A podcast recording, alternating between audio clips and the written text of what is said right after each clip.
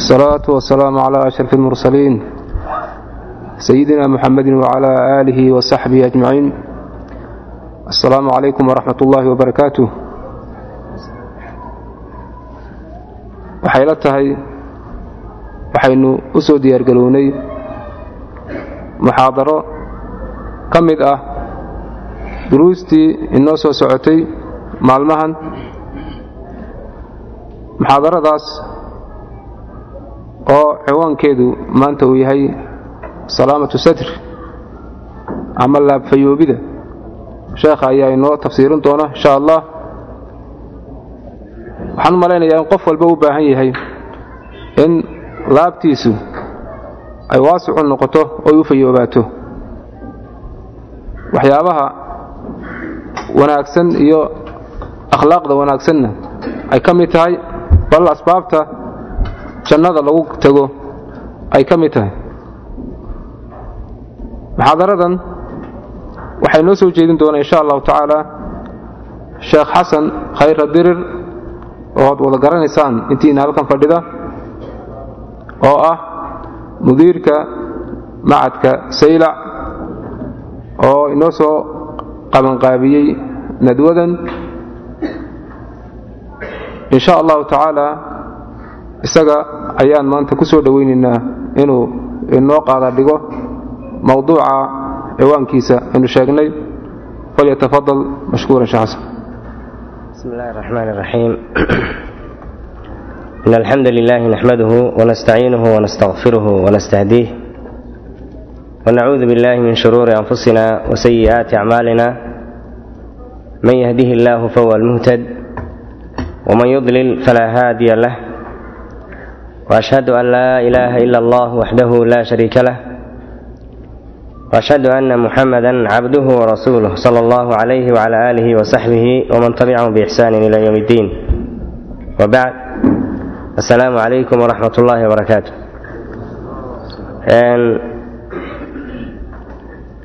waxaan insha allahu tacaalaa aan isku dayi doonaa waxa ilaahay subxaana wa tacaala iga garansiiyo iyadoon ilaahi subxaana wa tacaala weydiisanayno towfiiqda iyo waafajinta mowduuca la iclaamiyey ee cinwaankiisa uu yahay salaamatu sadr. Ilaahay subxaana wa tacaala waxaan weydiisanaynaa inuu nagu arsaaqo salaamatu sadri. Oo af soomaali ahaan malaha igu dhowdahay laabxaadhni yacni qofku inuu laab xaadhnaado oo laabtiisu ay ka fayoobaato ama qalbigiisa uu ka fayoobaado xanuunada qalbiga ku dhaca ee khatarta ah ee dadka halaaga ee adduun iyo aakhiraba seejiya in ilaahi subxaana wa tacaala au inaga badbaadiyo kuwaas. Marka anigoo ka cudur daaranaya waxa weeyaan inaan xoogaa yar xabeebsanahay oo hadalka laga yaaba inay aad nii gaadhsiin waayo ta labaadna ka cudur daaranaya muxuu ahaa sheekhnimada walaalkay uu igu sheegay. Oo anigu aan ka mid uhun ardayda unaan ka mid ahay. Waxaan insha allahu tacaala aan markaa gudagalaynaa bal mowduucan wixii ilaahi subxaana wa tacaala inooga fududayo salaamatu sadri waxaa loola jeedaa salaamat lqalb qalbi fayoobi ama qalbi xaadhnaan ayaa loola jeedaa qalbiga xaadhan ee la yidhaahdo alqalbu saliim. Waa qalbiga ka caafimaad qaba shirkiga iyo shakiga iyo amraadda qalbiga ku dhacda dhammaanteedba kaga badbaadsan ayaa waxaa la yidhaahdaa alqalbu saliim. Waana qalbiga maalinta qiyaame qofka wataa uu badbaadayo ilaahi subxaana wa tacaala isagoo ka xikaayoonaya nebiyullahi ibraahim calayhi salaam nebiyullahi ibraahim wuxuu yidhi walaa tuhsinii yowma yubcathuun yowma laa yanfacu maalun walaa banuun ila man ata allaha biqalbin saliim. Yowma laa yanfacu maalun walaa banuuna ila man ata allaha biqalbin saliim. Maalinta qiyaame qalbiga ilaahay agtiisa wax noqonaya oo qofka wataana uu ku badbaadayaa waa qalbiga caafimaadka qaba. Oo ka caafimaad qaba amraadda qalbiga ku dhacda oo dhan ka caafimaad qaba saa darteed baa culimmada qaarkood waxay ku tacriifiyeen. Qalbiga saliimka waxay ku tacriifiyeen. Annahu alqalbu aladii salima min kulli shahwatin tukhaalifu amra allaahi wa nahyah wa min kulli shubha. Waa qalbiga ka caafimaad qaba shahwo kasta oo ilaahay subxaana wa tacaala amarkiisa iyo nahyigiisa khilaafsan qalbiga ka badbaadsan ee ka caafimaad qaba waxyaabaha khilaafaya ilaahay awaamirtiisa iyo nawaahidiisa ka caafimaad qaba shubuhaadka qalbiga ku dhaca. Qalbiga waxa ku dhaca laba marad baa ku dhaca oo khatar ah ayaa ku dhaca. Mid waxaa la yidhaahdaa maradu shubha ayaa la ydhaahdaa midna waxaa la yidhahdaa maradu shahwa ayaa la ydhahdaa laba maradoo aad iyo aad u khatar badan weyn. Maradu shahwa waa waxyaabaha shahawaatu nafsiga. Waxyaabaha naftu ay jeceshahay. Ee nafta la jeclaysiiyey sida rabbi yidhi subxaana wa tacaala zuyina linnaasi xubu shahawaati min annisaa'i ilaahay subxaana wa tacaala waa aayaddaa ku tiriyey aayado kaleba. Zuyina linnaasi xubu shahawaat waa waxyaabaha markaa naftu ay iska jeceshahay shahawaatu nafsiga la ydhaahdo nabigeenuna calayhi salaatu wasalaam wuxuu yidhi xufat innaaru bishahawaat waxufat xufat annaar bishahawaat naarta waxa lagu dayiray shahawaat waxa ay naftu jeceshahay. Waxufat iljannatu bilmakaarih jannadana waxa ku dayireen oo ku xaydaaman waxa ay naftu kahanayso ee ay neceb tahay ayaa ku xaydaaman qofku haddii waxyaabihii shahawaatu nafsigaha uu sameeyo waxa uu si toosa markaa u mutaysanaya ilahi subxaana wa tacala cadaabkiisi haddaba qalbigu marka uu ka badbaado labadaa marad maradkaa aan idhi maradu shahwa aan idhi iyo maradka la yidhaahdo maradu shubha. Maradu shubha waa waxyaabaha waxyaabaha ku saabsan ictiqaadka ee qallooca oo qofku caqiidadii saxiixa ahayd ou markaa aw ka leexdo. Ama ay qalbigiisa soo gasho bidac iyo waxyaaba khatari ay soo galaan oo yani leexiyo qalbigiisii. Nabigeennu calayhi salaatu wasalaam waxa ilaahi subxaana wa tacaala nebigeenna uu soo saaray calaa fatratin min arusul waqti rusushu ay kala go'day ayaa ilaahi soo saaray subxaana wa tacaala qowmkii laga soo dhex saaray ama adduunyadana waxa daboolay oo hadheeyey oo saameeyey collaytan. Ay dadku dhexdooda collaytamaan. Xiqdi iyo xasad kala fogaansho iyo kala teg ayaa si aad iyo aad u daran u saameeyey. Waxa keliya ay dadku ay isku xidhiidhinayeen waxay ahayd walaaltinimada maadiga ah iyo danaha adduunyo iyo masaalixda ayay dadku isku jeclaayeen.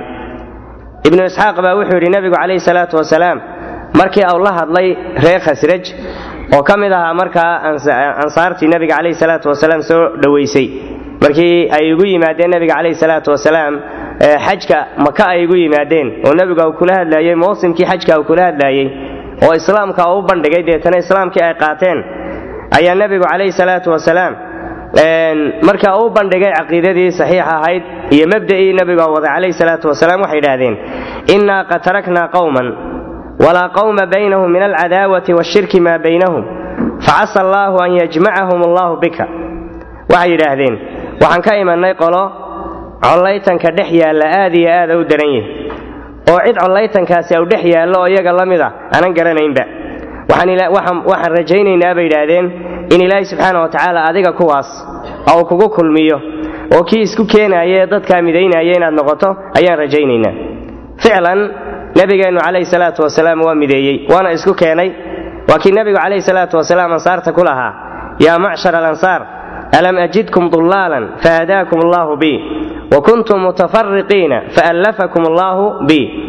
Nebigu calayhi salaatu wasalaam isagoo xasuusinaya galladaha waaweyn ee nebigu calayhi salaatu wasalaam ku lahaa ansaaray miyaanan helin idinkoo lunsan oonan ilaahay subxaana wa tacaala aniga iga kuyn hanuunin miyaanad kala teganayn oo kuwa collaytan iyo nacayb ou dhex yaalla miyaanad ahayn ilaahayna subxaana wa tacaala sababtayda muunan iskuukiin keenin. Ilaahay subxaana wa tacaala arrintaas isagoo ka hadlaaya rabbi wuxuu yidhi wadkuruu nicmat allaahi calaykum id kuntum acdaa'an faallafa bayna quluubikum faasbaxtum binicmatihi ikhwaana. Ilaahay subxaana wa nicamka ugu nicmeeyey ansaarta ugu nicmeeyey guud ahaanna ilaahay subxaana wa tacaala muslimiinta oo ugu nicmeeyey ayaa ilaahay subxaana wa tacaala xasuusinaya. Miyaanad ahayn kuwa col ah miyaanad ahayn faallafa bayna quluubikum id kuntum acdaa'an faallafa bayna quluubikum ilaahay subxaana wa tacala iyaga isagaa quluubtoodii isku soo dumay. Waxaana ilaahi subxaana wa tacaala sabab uga dhigay nebiga calayhi salaatu wasalaam faasbaxtum binicmatihi ikhwaana. Islaamku walaalayaal wuxuu aad iyo aad ugu dadaalay inay ummaddani noqoto ummad keliya an takuuna hadihi lumma ummatan waaxida inay ummad keliya noqoto oo caqiidadeedana ka midaysan dhaqankeedana ka midaysan inay noqoto oo ka duulaysa meel keliya ahdaaf keliyana higsanaysa mambac keliyana markaa wax ka qaadanaysa manhaj keliya iyo distoor keliyana waxa weeyaan ka dhimbil qaadanaysa inay ummaddani ay noqoto waxa islaamku au naga reebay oo si xooga laynoogu diiday kala tegga iyo collaytanka iyo waxyaabaha keenaya ayaa aad iyo aad laynooga digay. Ilaahi subxaana wa tacaala wuxuu ihi fattaquu llaha wa aslixuu daata baynikum. Haddiiba ay wax dhacaan oo dadka maron iyo ismaandhaaf oo dhexdooda dhaco oo ay waxuun isku diidaan. Ilaahi subxaana wa tacaala wuxuu leeyahy war ilaahay ka yaabo oo dhexdiinna hagaajiya buu rabbi leeyahay subxaana wa tacaala ilaahi subxaana wa tacaala taqwada cabsida ilaahi subxaana wa tacaala laga cabsanaayo iyo wuxuu israaciyey rabbi subxaana wa tacaala islaaxu daati lbayn fattaquu llaha wa aslixuu daata baynikum buu rabbi yidhi subxaana wa tacaala wa aslixuu daata baynikum. Dhexdiinna hagaajiya. Nabigu calayhi salaatu wasalaam wuxuu ka warramay jannada dadka galaaya ayaa nebigu calayhi salaatu wasalaam inoo sifeeyey. Bal nebigu sala allahu caleyh wasalam wuxuu tilmaamayaa dadka jannada galaya inay yihiin dadka isjecel. Dadka muuminiinta isjecel ee ilaahay dartii isku jecel ee islaamnimo iskugu xidhiidhinaya inay yihiin kuwa jannada galaya. Wuxuu rasuulku sala allahu caleyh wasalam yidhi isagoo dhaaranaya waaladii nafsii biyadih laa tadkhulu ljannata xataa tu'minuu walaa tu'minuu xataa taxaabbuu awalaa adullukum calaa shayin idaa facaltumuuhu taxaababtum afshu salaama baynakum. Xadiidka imaam muslim baa soo saaray wuxuu rasuulku sala allahu caleyh wasalam leeyahay isagoo dhaaranaya allaha naftaydu gacantiisa ku jirtaan ku dhaartaye janno gali maysaan ilaa iimaanad yeelataan ilaa aad iimaan yeelataan janno gali maysaan iimaanno yeelan maysaan ilaa aad jeclaataan. Markaas buu nabigu yidhi sala allahu caleyh wasalam war ma nii sheegaa wax haddii aad samaysaan aad isjeclaanaysaan ma nii sheegaa nebigu calayhi salaatu wasalaam wasaa'isha waxyaabaha keena maxabada iyo mawadada iyo kalgacalka iyo dadku inay isjeclaadaan buu nebigu tilmaamo wuxuu yidhi war salaanta dhexdiinna ku faafiya. Waxaa laga yaabaa salaantu innaga dhexdeenna inay iska tahay wax qiimo badan baana inoogu fadhiin laakiin waa wax aad u qiimo badan. Salaanta qofku marka uu qofka salaamayo wuu ducaynaya wuxuu leeyahay assalaamu calaykum. Ama wuxuu odhanaya assalaamu calaykum waraxmatullah hadduu doono u dhaafinaya wuxuu leeyahy assalaamu calaykum waraxmatullaahi wabarakaatu kolba inta aad ka dhigto abaalkaagu yahay. Waa marka koowaad horta qofkan muslimkaa waad u ducaynaysaa. Isaguna salaantiibuu kugu soo celinaya muxuu odhanayaa wacalaykum assalaam waraxmatullaahi wabarakaatu adiguna adna uu kuu ducaynaya. Saa darteed baa culimmadu waxay dhahaan waawga waa inaan laga reebinoo qofkan dambe ee salaanta celinayay. Calaykum assalaam uun idhaahda maaha. Wacalaykum assalaam hadalkii horey ku xidhantaoo adigana buu leeyahy adigana ilaahay naxariistiisa iyo nabadgelyadiisa iyo barakadiisu adigana dushaada ha ahaato ayuu leeyahy waa laba qofoo duca isdhaafsaday. Qofku markuu qofka salaamo haddii au marka hore ka baqayow lahaa war meeshanaad soo gashay talow qof muslim yaad ka heli talow bilow dhibaata kaala kulantay. Marka uu qofku qofka ka hor yimaado u salaamo horta qofka farxad baaba muquuraysaba aad buu farxayaa. Salaantu waa wax aad u qiimo badan waana nabigeenni calayhi salaatu wasalaam wasaa'isha uu inoo tilmaamay ee keenaysa maxabada keenaysa ayay ka mid tahay. Walaalayaal salaamatu sadri laabfayoobida ama laabtaadaoo xaadhnaata oo xiqdi iyo xasad iyo xumaan ka xaadhnaataa waxa weeyaan waa nicmo ilaahi subxaana wa tacaala ugu nicmeeyey dadka mu'miniinta ah waxay ku nicmaysanayaan walaaltinimada iyo laabxaadhnaanta ayaa qofka muslimkii adduunka inta uu jooga ku raaxaysanaya. Aakhirana taas bay janno ku galayaan ilaahi subxaana wa tacaala iyagoo isku wada laabfayow ayuu isku keenaya. Ilahi wuxuu ihi wanasacna maa fii suduurihim min hillin ikhwaanan calaa sururin mutaqaabiliin ilahi wuxuu leeyahay subxaana wa tacaala waxaan ka siibnay yani waxaan ka siibi doonnaa wax alla wixii laabtooda ku sugnaa oo xiqdi iyo xasad ahaa wixii caloolxumo ahaa ee ku jirayba waa laga saaraya iyagoo isku calool xun oo aanan is-eegi karayn isku imaayaan waayo jannada raaxadeediiba wax ka dhiman yihiinba. Hadday dad isku cadhoonaya ay jannada isku yimaadaan raaxadiiba ma dhannaba. Ilaahay wuxuu ka saaraya subxaana wa wixii laabtooda ku jiray ee baaqi ku ahaa oo qilli iyo xasad iyo caloolxumaa laga saaraya ikhwaanan calaa sururin mutaqaabiliin iyagoo walaala ah oo weliba sariire iska soo horjeedjeeda ku fadhiya. Sariiraha aljannuhu waxa weeyaan way iska soo horjeedaan calaa sururin mutaqaabiliin iyagoo sariira saaran iska soo wada horjeedo is wada arkayaan oo ay wada sheekaysanayaan midna midka kale qadaadkiisa markaayo ma sii kala jeedaan. Wayse soo qaabilsan yihiin. Ilaahi subxaana wa tacaala wuxuu ugu nicmaynayaa markaa jannu ugu nicmaynayaa maadaama adduunkii markay joogeen laabtoodu ay fayoobayd aakhirana ilaahi subxaana wa tacaala jannadaas ayuu ku abaalmarinaya jannada haddaba dadka mutaysanaya waa dadka laabta fayow ee laabtoodu saafi tahay oo xumo oo dhan markaa ay nadiibta ka tahay wey sidaa darteed baa nabigeenni calayhi salaatu wasalaam wuxuu yidhi isagoo tilmaamaya taas in dadka ahlujannihii ay yihiin dad laab fayow ay yihiin. Xadiidka waxaa warinaya cabdilaahi bnu camr bnu caas radia allaahu canh wuxuu yidhi nabiga calayhi salaatu wasalaam waxaa lagu yidhi ayunnaasi afdal dadka keebaa ugu fadli badan baa nabiga la yidhi calayhi salaatu wasalaam. Markaas baa nebigu wuxuu yidhi kullu makhmuumi alqalbi saduuqi lisaani. Wuxuu rasuulku yidhi sal allahu alay wasalam kullu makhmuumi alqalbi saduuqi lisaan. Mid kasta oo qalbi xaadhan oo lisaankiisa iyo carabkiisuna au yahay carab run ah. Waxa uu ka hadlaa waa run. Beenaale maaha waxa weeyaan waa mid runta sheega. Yaa ayuha aladiina aamanuu ittaquu llaha wa kunuu maca saadiqiin. Sidqi buu ku sifoobay iyo waa runlow weeye waa run sheege. Isla markaana waa mid qalbi xaadhan. Saxaabadu ridwaanullaahi calayhim waxay idhaahdeen saduuqu lisaani nacrifuhu famaa makhmuumu lqalbi bay idhahdeen waan garannay saduuqu lisaan qofka markaa carabkiisa runta ka sheega oon been sheegin waan garannay laakiin makhmuumu lqalbi maxaad ula jeedaa? Nabigu calayhi salaatu wasalaam uu sharxay. Wuxuu sharxayaa nebigu sal allahu caley wasalam lafdigaabay weydiiyeen saxaabadu ridwaanullaahi calayhim wax kasta way bayaansan jireen. Waxay soomaalidu tidhaahdaa hadal anan yaa lagu celin dee hadalaad fahantay maaha haddaad qofka dhegaysato unood gurto unoo ma fahantay waan fahmay unaad tidhaahdo waa wax adiga kugu maqan. Ardada marka fasalka laysku yimaadee casharka loo sharxayo casharka ma fahanteen buu macallinku badankaa buhi ama la fahmay yacni markaa ma la fahmayna kuma daayee dee su'aaluu ku baadhayaa marka dambe. Marka qaarkood baa dadka un iska raaca. Waa wax ku maqan. Saxaabadu ridwaanullaahi calayhim iyagoo nabiga calayhi salaatu wasalaam qadarinaya oo qiimaynaya. Haddana waxyaabaha ka ishkaal gala midmadow isagoo ka daahan oo midmadow kaga jira may dayn jirin. Lafdigan makhmuum bay raadinayaan. Waa maxay makhmuumu lqalb nabigu wuxuu yidhi sal allahu alay wasalam huwa ataqiyu naqiyu laa isma fiihi walaa bagya walaa hilla walaa xasada buu nabigu yidhi sal allahu alay wasalam wuxuu sharxayaa nabigu sal allahu alay wasalam kaa laabtafayo wuxuu yidhi waa ka taqiga ah ee daahirka ah ee dembi iyo xumaan oo dhan ka daahirka ah oo aan dembiga lahayn oo aanan xadgudub lahayn oo aan khilli iyo xasad lahayn. Waa kaanan caloolxume iyo xasad lahayn ee qalbigiisu xaadhan yahay ayuu nabigu yidhi calayhi salaatu wasalaam.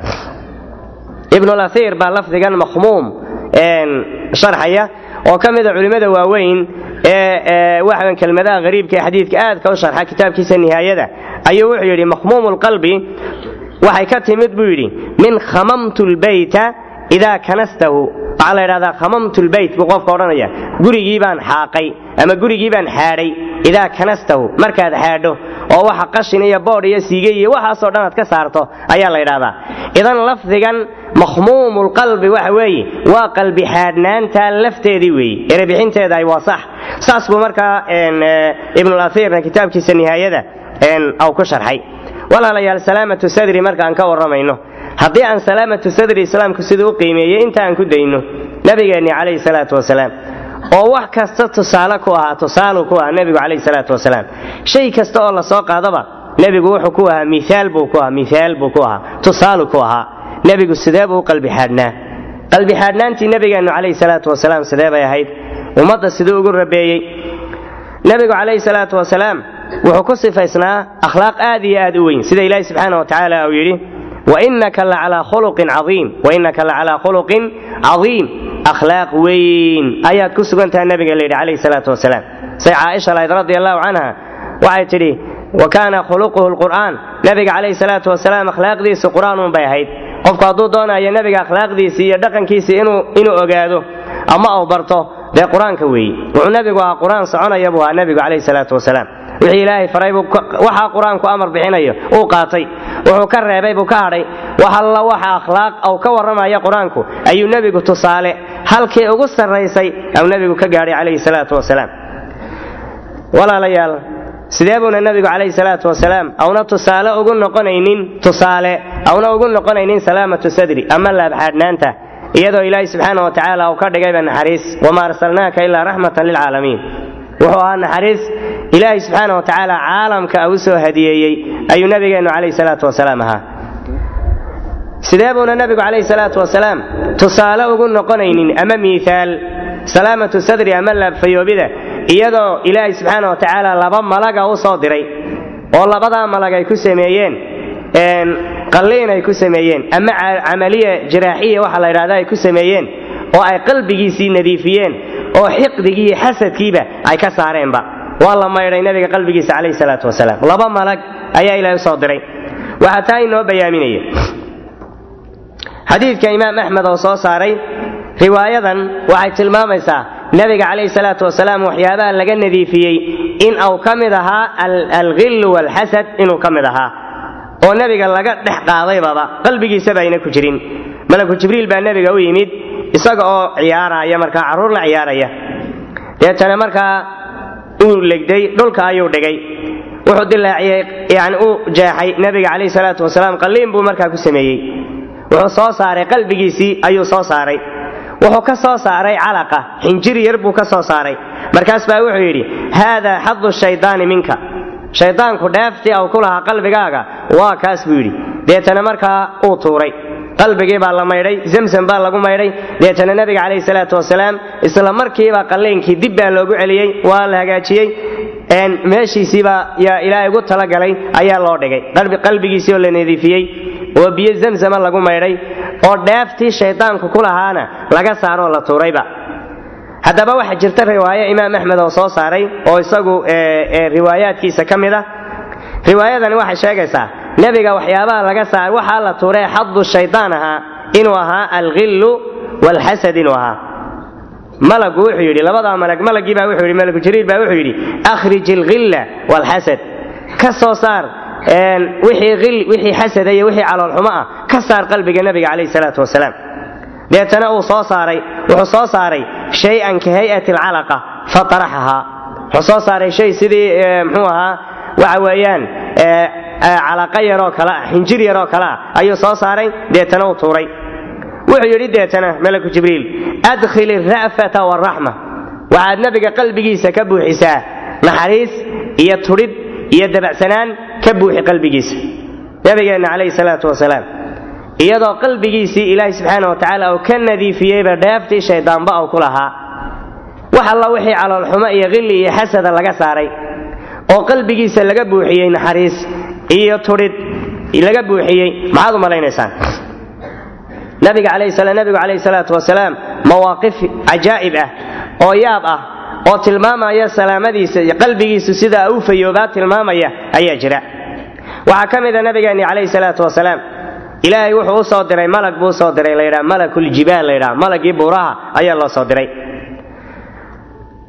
nabiga calayhi salaatu wasalaam xaaladda noocaas oo kale ah wuxuu ku sugan yahay xaalad aad u adag.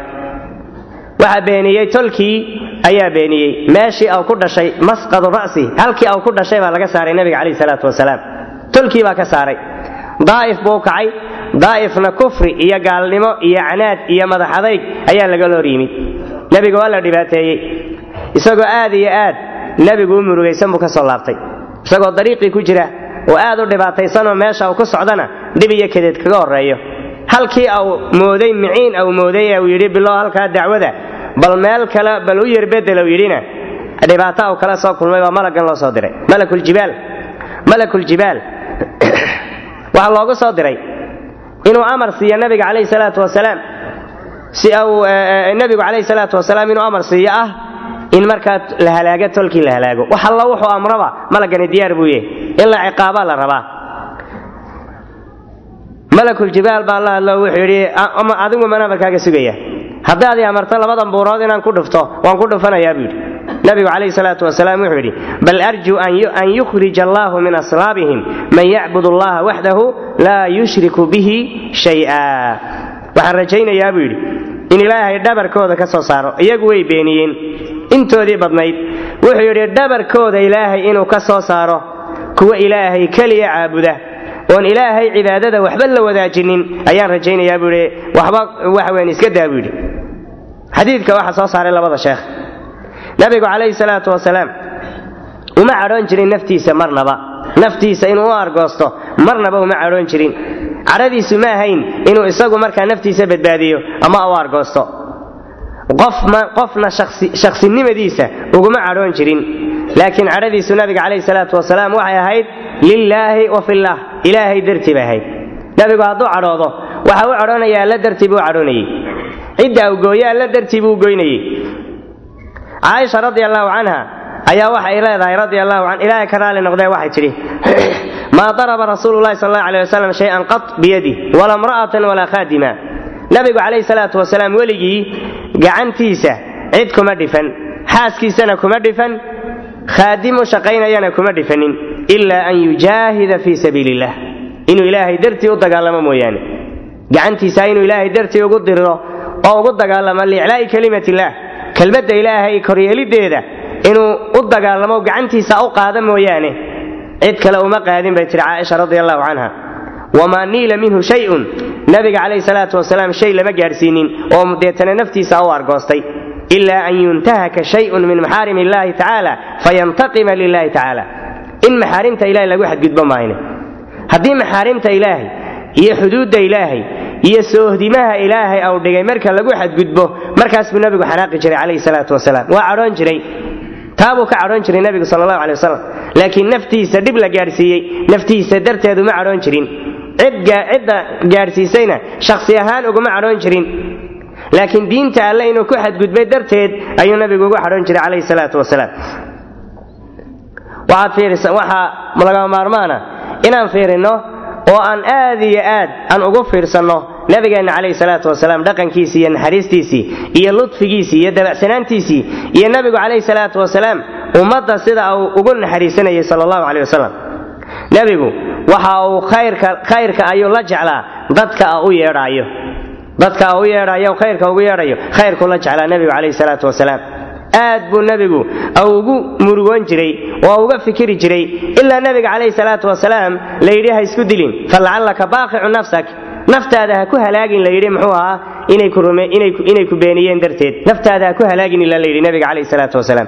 Hamigiisa oo dhan iyo murugtiisa iyo fikirkiisa oo dhani wuxuu ahaa dadka siduu badbaadin laha isagoo u naxariisanaya oo u tudhaaya oo ilaahay cadaabkiisana markaa waxa weeyaan markaa uga tudhaya nabiga calayhi salaatu wasalaam tolkii dhibaato badan bay u geysteen. Dhibaato iyagoo u geystay ayaa nabigu calayhi salaatu wasalaam haddana wuxuu lahaa allahuma kfir liqawmi fa innahum laa yaclamuun. Ilaahow u naxariiso tolkay ma garanayaane.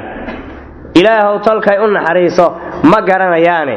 U fiirsada hadalkaasi hadal quman maa hadalkaasi weliba dadka khayrka sheegaya ee raba ummad inay wax u sheegaan ummad inay inqaadiyaan o badbaadiyaan raba qaabka loo hadlaayo xataa nabigu calayhi salaatu wasalaam wuxuu yidhi allaahuma kfir liqawmi weli qowmkaygii buu leeyahy tolkay ilaahow tolkay u naxariiso tolkay ilaahow u naxariiso ma garanayaane buu yidhi.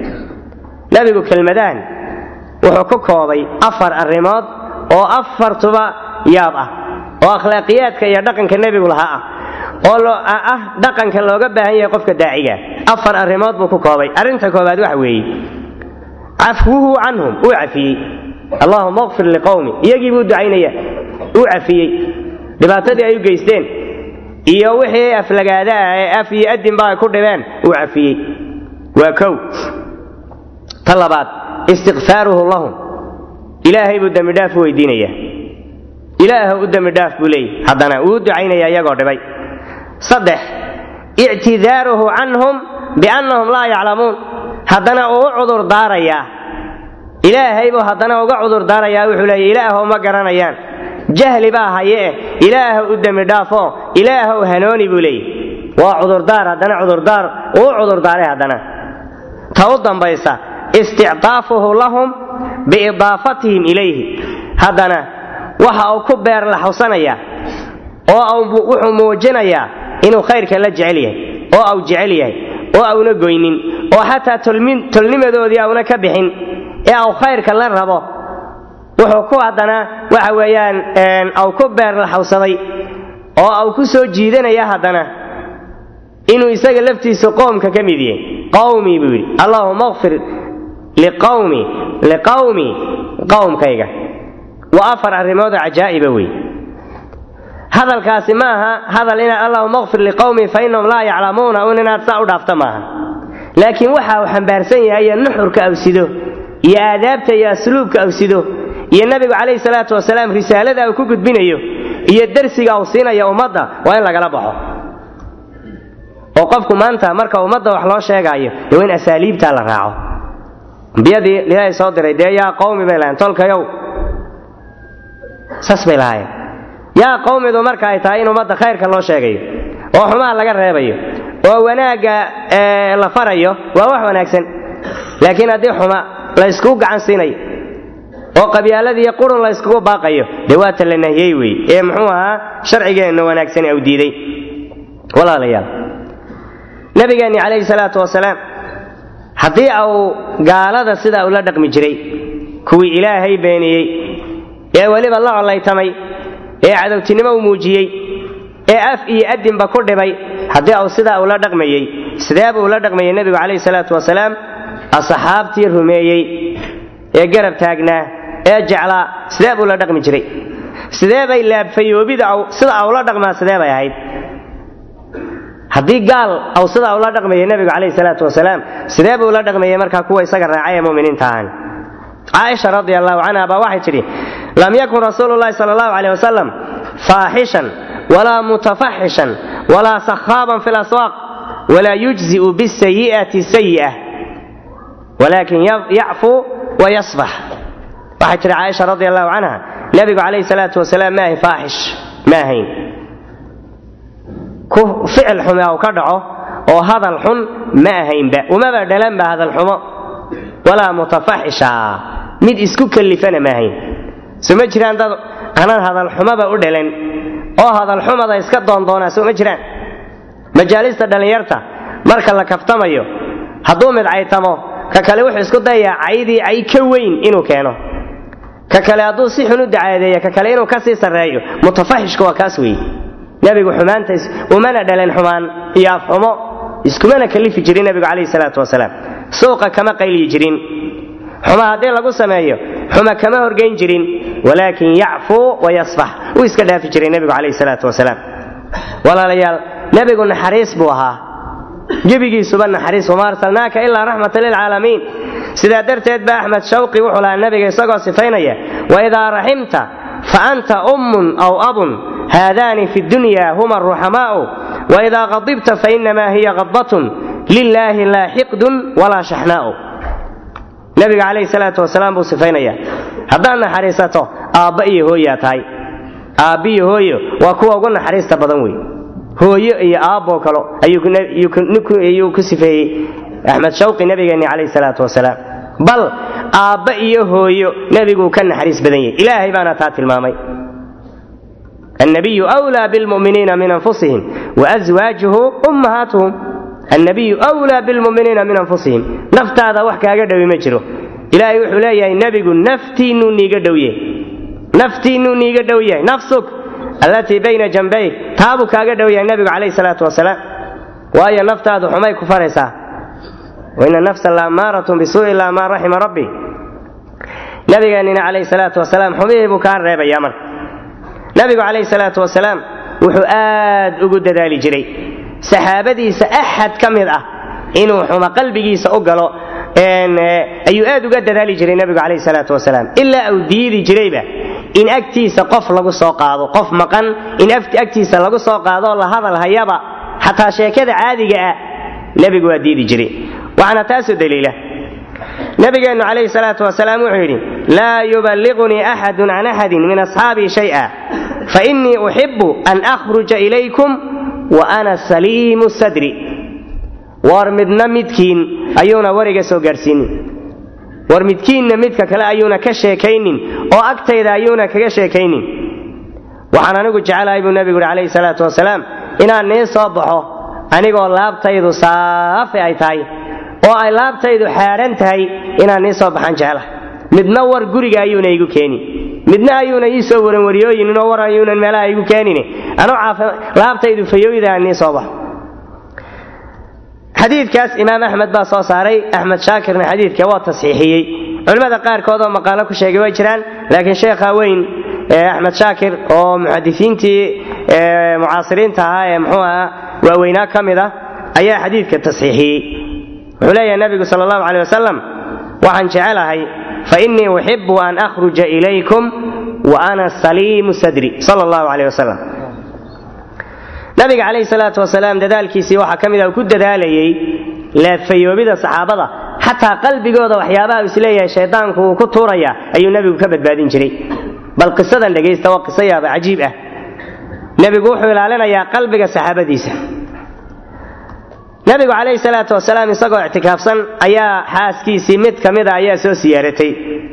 Waxay ahayd safiya bintu xuyay bay ahayd. Nabiga calayhi salaatu wasalaam waxoogaa bay ag joogtay. Deetana nabigu calayhi salaatu wasalaam wuxuu doonay inuu gurigii ku sii dhoweeyo oo uu sii raacay. Nabigu calayhi salaatu wasalaam isagoo xaaskiisii markaa la socda oo sii dhowaynaya ayaa laba saxaabi oo saxaabadii nebiga calayhi salaatu wasalaam ka mid a ayaa arkay. Markaas baa waxay yidhaahdeen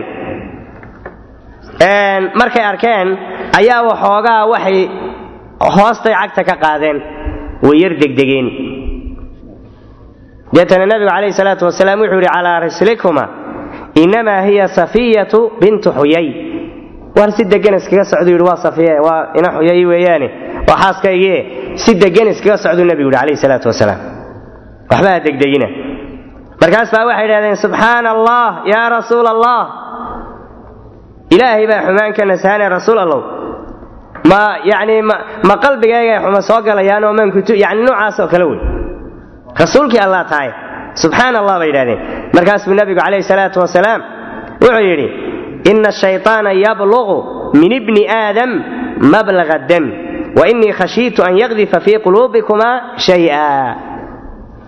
Wuxuu yidhi shaydaanku bini aadamka wuxuu ka gaadhaa halka dhiiggu gaadho. Dhiiggu halkaa uu gaadhuu gaadhaa. Yajri min ibni aadam majra dam. Riwaayaadkan bukhaarigu yabluqu min ibni aadam mablaga dam wey. Halka dhiiggu gaadho ayuu gaadhaa shaydaanku waxaan ka cabsaday in shaydaanku qalbigiinna wax ku tuuro. Oo maalan ay tasawuraan ama idhaahdaan nebigu gabarh buu la socday. Shaydaanku oo wax noocaasa intuu u suuriciyo nebigu gabarh buu la hasaawaya ama uu la socday ama wax noocaas oo kalea qalbigoodii u ku tuuro. Markaasuu yidhi calaa rislikuma waa safiya buu yidhi. Wuxuu ka saarayaa markaa qalbigooda waxa soo galaya. Qalbiga walaalayaal waxa ku dhaca waa wax aad u khatar badan. Raadka uu qalbiga ku keenaana aad buu u dhibaato badan yahi haddii aan intaa kaga soo baxno nabigeenni calayhi salaatu wasalaam qalbi xaadhnaantiisii iyo sidii sida uu muxuu ahaa saxaabadiisa uu la dhaqmi jiray waxaan wax ka taabanaynaa mufsidaadka qalbiga qalbiga waxyaabaha fasaadiya oo xiqdiga iyo caloolxumada iyo xasadka iyo kala tega iyo moronka iyo ismaandhaafka ismaandhaafka qalbiga ku beera. Ayaan wax ka tilmaamaynaa insha allah. Qalbiga waxa ku dhaca amraad sidaan sheegnay waxa uu qalbigu badbaadayaa un marka uu xanuunada ka badbaado. Uunbuu qalbigu badbaadaya xubnuhuna markaasunbay badbaadayaan. Saa darteed ayaa nabigeenni calayhi salaatu wasalaam wuxuu yidhi inna fi ljasadi mudqa idaa salaxat salaxa aljasadu kulluh waidaa fasadat fasada aljasadu kulluh. Alaa wahiya alqalb. Wuxuu nabigu yidhi jidhka waxa ku jira mudqa saaftin hilibaho hadday suubanaato oy wanaagsanaato jidhkao dhan aa wanaagsanaanayo. Hadday fasahaadana jidhkao dhan uu fasahaadayo waa qalbiga buu nebigu yidhi calayhi salaatu wasalaam. Waxyaabaha markaa qalbiga fasahaadinaya ee u baahan in laga ilaaliya waxaa ka mid a xasadka iyo caloolxumadaa ka mid a. Nabigu calayhi salaatu wasalaam ummaddan aad buu uga digey wuxuu uga digay nebigu xasadka iyo caloolxumada wuxuu nebigu yidhi laa tabaaqaduu walaa taxaasaduu walaa tadaabaruu wakunuu cibaad allahi ikhwaana. Wuxuu nabigu yidhi sal alla alay waslam war ha isku cadhoonnina oo ha isxasdina oo ha isku daba jeedinnina ilaan qofku marka qofka kale u cadhoodo dabaduu sii jeedinaya. Dhinacuu sidaa uga duwayaa oo dabadiisi u jeedinaya ka kale uu sii jeesanaya. Walaa tadaabaruu. Wuxuu nabigu yidhi sal allahu caleyh wasalam wakunuu cibaad allahi ikhwaana. Walaala noqda ku walaala islaamnimada walaala ku ah. Waxyaabaha inta badan keenay xiqdiga iyo xasadka ee khatarta waxaa ka mid a xubu ljaah wariyaasa alri'aasa yacni madax raadin iyo jaaha jacaylkiisu wuxuu ka mid yahay asbaabta ugu waaweyn ee xasadka keena. Qofku inuu raadiyo magac iyo jaah iyo madaxnimo inuu raadiyo. Culimmadii yahuuddu waxay inkireen sidaan ognahay nabigeenni calayhi salaatu wasalaam way diideen. Isagoo ilaahay subxaana wa tacaala ugu bayaamiyey kutubtooda ilaahay wuxuu idhi yacrifuunahu kamaa yacrifuuna abna'ahum. Siday carruurtooda u garanayaan bay u garanayaan nebigu inuu rasuul xaqa oo ilaahay soo diray. Laakiin way diideen. Waxay u diideen oo ay nabiga calayhi salaatu wasalaam u rumayn waayeen in mansabka ay haystaan iyo wadaadnimada ay markaa iyagu ay reer bani israa'iilna wadaadda u yihiin laga dambeeyo. Carabta kalena ay wadaadda u yihiin. Ilaan iyagaa wax la weydiin jire mansabkaa inay waayaan darteed bay u diideen. Xasadan min cindi anfusihim yay u diideen. Xasad darteed bay u diideen nabiga calayhi salaatu wasalaam. Xasadku markaa wuxuu keenayaa in xaqiiba uu kaa indhatiro xaqii oo yacni cadka wuduuxi shamsi in inaad ka indhabeesho ayuu keenaa. Ilaahay subxaana wa tacaala wuxuu ina faray inaan ilaahay ka magan galno xasadka ilahay wuxuu yidhi subxaana wa tacaala wamin shari xaasidin idaa xasad wamin shari xaasidin idaa xasad waxaa ilaahay ina barayaa oo rabbi ina faray inaan xasadka ilaahay ka magan galno subxaana wa tacaala xasadku waa qofka oo nicmada ilaahay subxaana wa tacaala qofka kale ugu nicmeeyey doona in ilaahay nicmadaa ka qaado oo isaga uu ku wareejiyo. Wax ilaahay subxaana wa tacaala uu bixiyo ilaahay wixii uu bixiyey buu leeyahay muxuu ilaahay u bixiyey? Ilaahay buu haystaa xaasidka. Nicmo ilaahay addoon ku galladaystay buuna ilaahay ku haystaa. Isaguna ma bixinna ilaahay baa bixiyey. Saa darteed baa nabigeenni calayhi salaatu wasalaam wuxuu yidhi dabba ilaykum daa'u lumami qablakum albaqdaa'u walxasad hiya alxaaliqa xaaliqatu diin laa xaaliqatu shacab. Wuxuu rasuulku yidhi sal allahu alay wasalam waxaa ni haleelay. Xanuunnadii ummadihii hore helaa ni helay oo waa maxay? Albaqdaa'u walxasad weeye waa caloolxumo iyo xasad weeye waa xaaliqa buu nebigu yidhi sal allahu alay wasalam xaaliqa. Waa mid wax xiiraysa. Xaaliqatu diin la wuxuu yidhi nebigu sal allahu aleyh wasalam waa mid xiiraysa diinta. Laakiin ma aha macnuu inay timaha xiirayso. Laakiin diintay xiiraysa. Marka ummadda cadho iyo xasad iyo caloolxumo markay ummadda soo dhex gasho ummaddaasi diinteediibaa xiirmaysa. Diinteedu way xiirmaysaa wuxuu nebigu leeyahy sal allahu alay wasalam odhan maayo timahay xiiraysaaye? Diintay xiiraysaa buu nebigu yidhi sal allahu alay wasalam diinta ayay xiiraysaa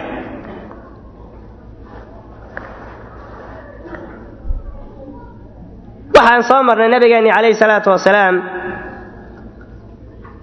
inuu yidhi waladii nafsu muxammadin biyadii laa tu'minu xataa taxaabu. Marka waxyaabaha lagu baabi'inaya markaa xasadka iyo calalxumada waxaa ka mida de in ilaahi subxaana wa tacaala laga cabsado oo walaaltinimada la ilaaliyo. Xasadka khuduuradiisu waxa weeyaan markaa diintii inuu fasahaadinayo waxaa ka mida khatarta uu leeyahay inuu camalkaagiiba baabi'inayaba. Waxaa nabigeenni calayhi salaatu wasalaam ka asaxay inuu yidhi alxasadu ya'kulu alxasanaat kama ta'kulu naaru alxatab. Xasadku wuxuu cunaa xasanaadkuu cunaa sida dabku xaabada u cuno saasoo kale xasanaadka u cunaya wixii yaraad shaqaysatay ayuu kaa cunaya xasadku qofka xaasidkiihi isaga ayaa ku dhib qaba. Qofkan maxsuudkae xasxasdaaya intayna dhibtu gaadhin isagaa ku dhib qaba. Sidaa darteed baa bacdu salaf culimmadii hore qaar ka mid ah waxay yidhaahdeen alxasadu wal waxay yidhaahdeen xasadku qofkii maxsuudka ahaa intuuna gaadhin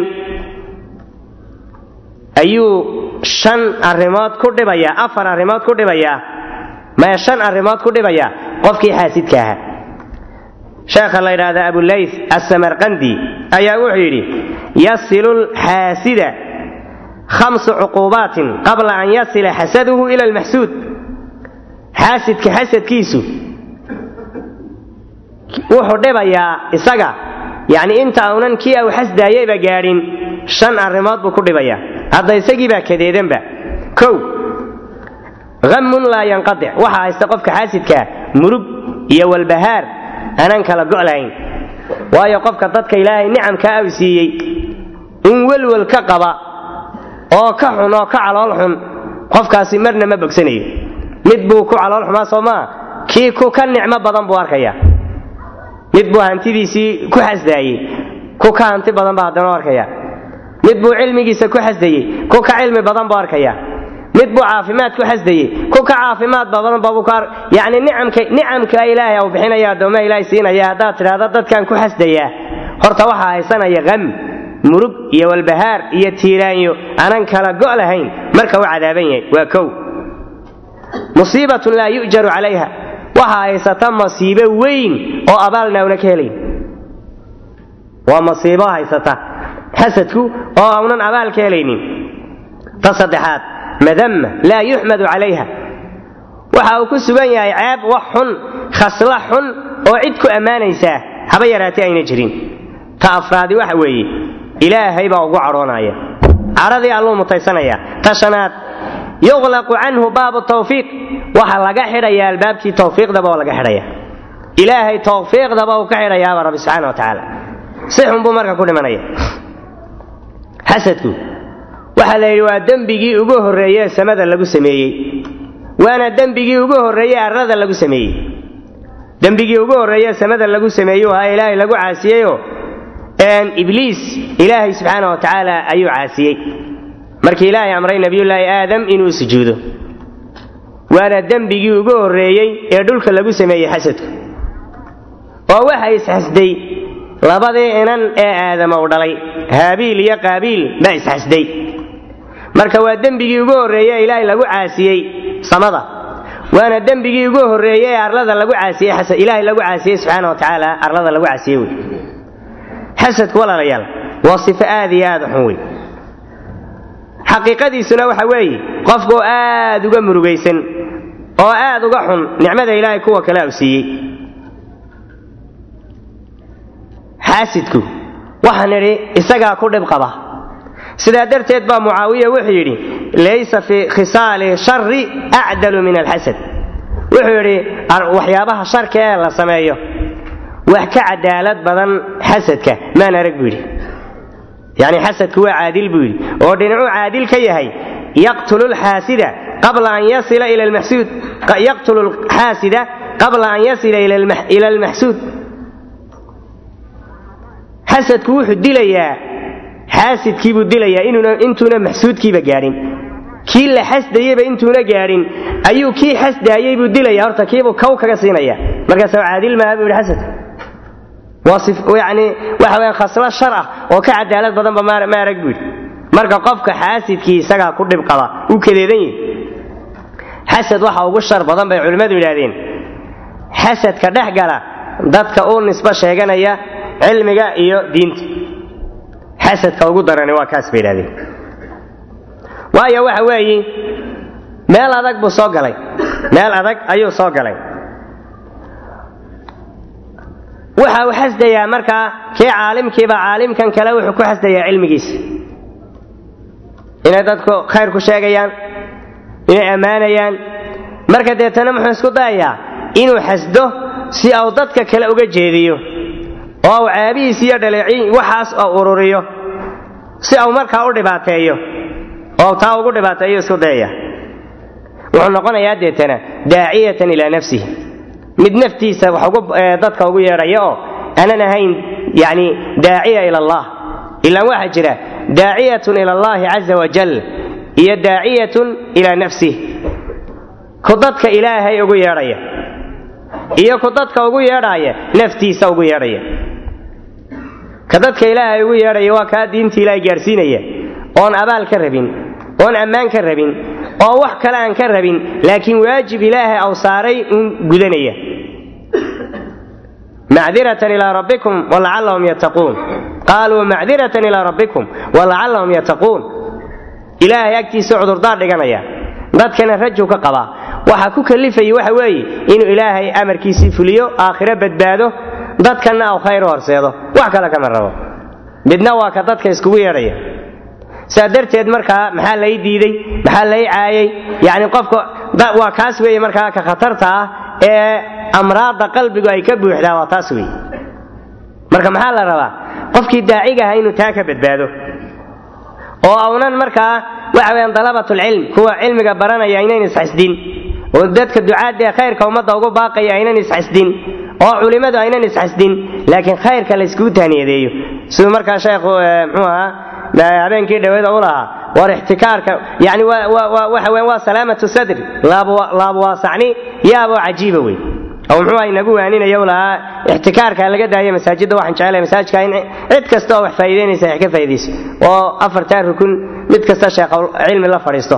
Waa salaamatu sadr waa waxyaabaha la rabo in lagu raboobo oo nafta lagu rabeeyo xasadu lfataa id lam yanaaluu sacyahu falkullu acdaa'un lahu wakhusuumu ka daraa'ir alxasnaa'i qulna liwajhiha xasadan wadulman inahu ladamiimu marka waxa weeye in baabka uu soo galaa khatar badan ayay muxuu ahaa ayay yeelanaysaa marka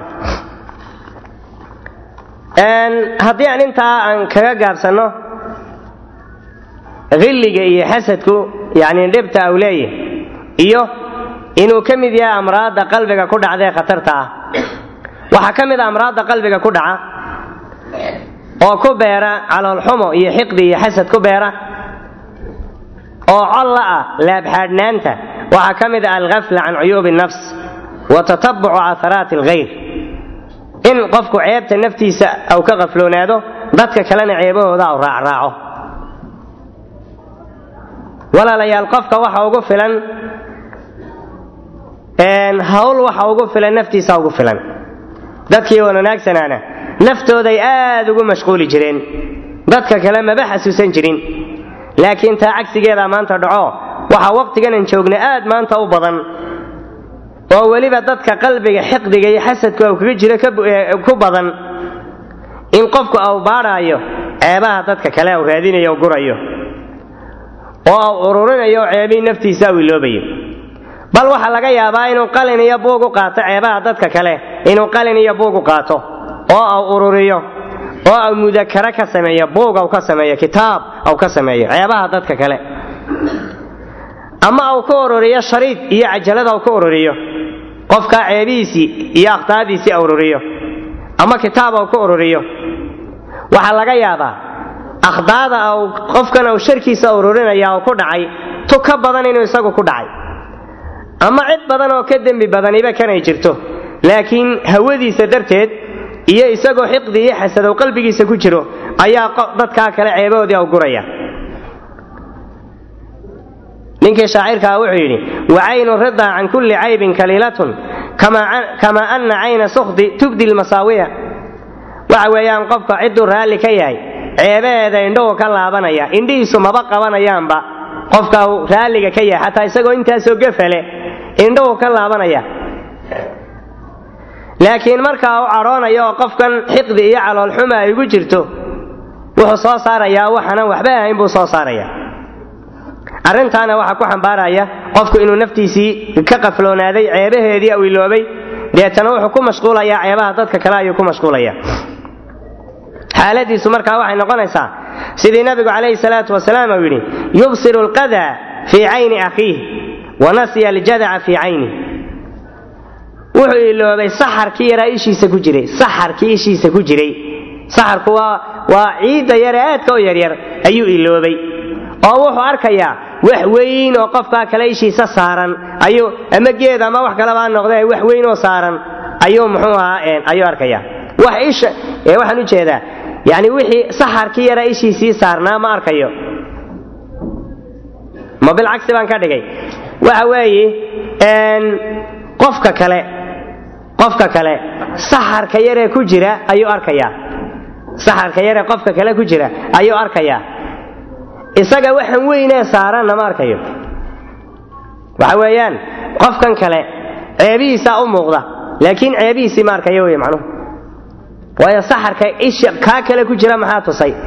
Isagana waxaan saaran ee weyn maxaa tusi waaye ishii ma arkayo isagu waxaan saaran ceebtan saaran. Laakiin ceebta dadka kale ayuu muxuu ahaa ayuu arkaya. Had iyo jeerna dadka ceebaha kale yani ceebaha dadka kale ku mashquulaa waa dadka ugu ceebo badan.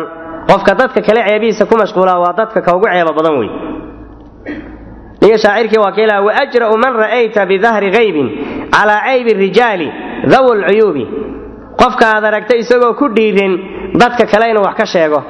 Oo ceebahoodii muxuu ahaa aw ururiyo. Waa ku ceeba leh. Ceebo badan buu leeyahy isagaa ceebo badan leh. Had iyo jeer dadka ka ugu ceebo badan ayaa dadka ceebahooda ururiya. Waa arrin mujaraba wey waayo hadduu ceebihiisa garanayo kumaba mashquulaan ceebaha dadka kale. Naftiisaa ugu filanba. Ibnuqayim aljawsiya ayaa wuxuu yidhi bal u fiirsada walaalayaal hadalkan. Waayo waqtiganan joognaa waa waqti aad u khatar badan oo dadku maanta ay ku mashquulaan ceebaha dadka kale. Isaga waxaad moodaaba inaan naftiisaba loo dirin ee dadka kale un loo diray. Kaabuu buuq qaadanaya waad ogtihiin maanta. Waa laysradinaya oo cajalad baa laysku radinaya oo shariid baa laysku radinaya oo risaalo yarbaa maanta oo dhan qofka qofka kale ceebtiisii lagu sheegaya. Waxaana waxba ahayn baa lagu sheegaya. Wax ummadi ayna ku kala tegin aan la ysku ceebaynin la ysku dhaleecaynin imaam ibnuqayim baa wuxuu leeyahay fatuuba liman shaqalahu cuyuubuhu can cuyuubi innaas waxa liibaanay buu ihi qofka ceebihiisu ay ka mashquuliyaan ceebaha dadka kale. Waweylun liman nasya ceebahu wa tafaraqa licuyuubi innaas waxa halaagsamay buu yidhi qofka ceebtiisa ilooba oo dadka kale ceebahooda u faaruqa. Hada min calaamaati ashaqaawa kama ana alwala min amaaraati sacaada wuxuu leeyahay kan ceebaha dadka kale ku mashquula.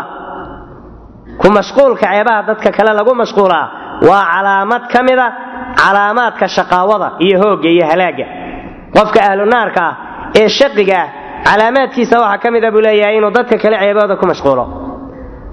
Waxaa ka mida buu leeyahay min calaamaati sacaada calaamaadka liibaanta adduun iyo aakhiraba lagu liibaano.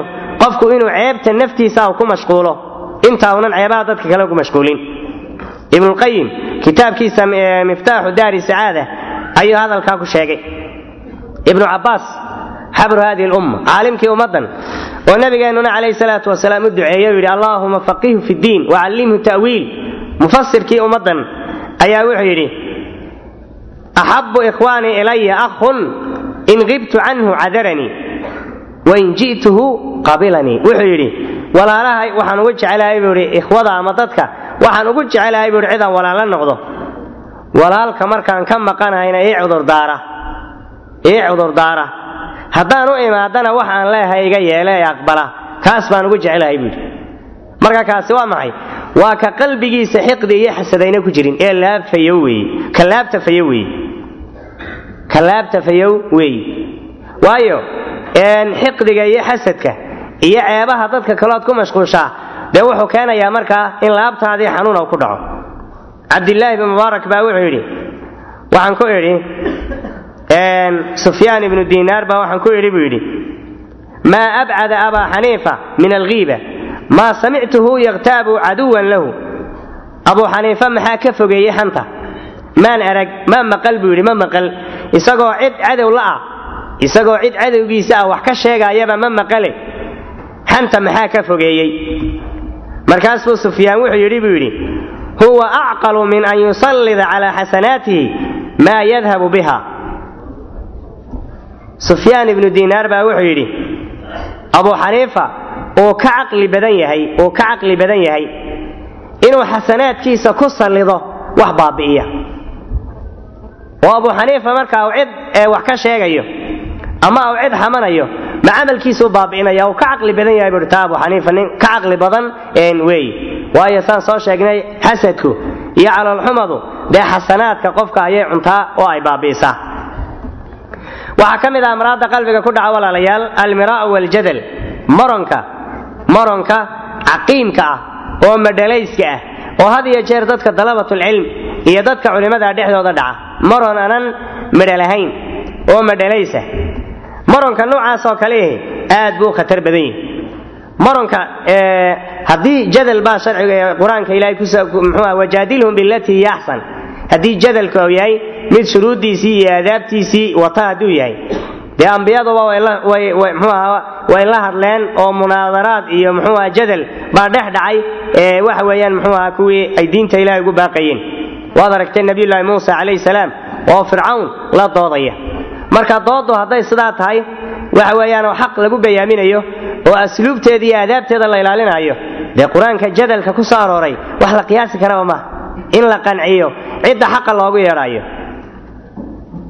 Laakiin haddii aunan wadanin aadaabtiisii iyo asluubtiisii hadduuna wadanin oo qofkan marmayo qofka kale au rabo inuu isaga ku raaco waxa uu wata uu ku raaco ama xaq ahaada ama baatil ahaadee waxa weeyaan arrintaasi waa arrin dadka inta badan keenta kala tega iyo caloolxumada iyo qalbigoo dadka madoobaada iyo laabtoo bukoota waxyaabaha keenay ka mid tahay.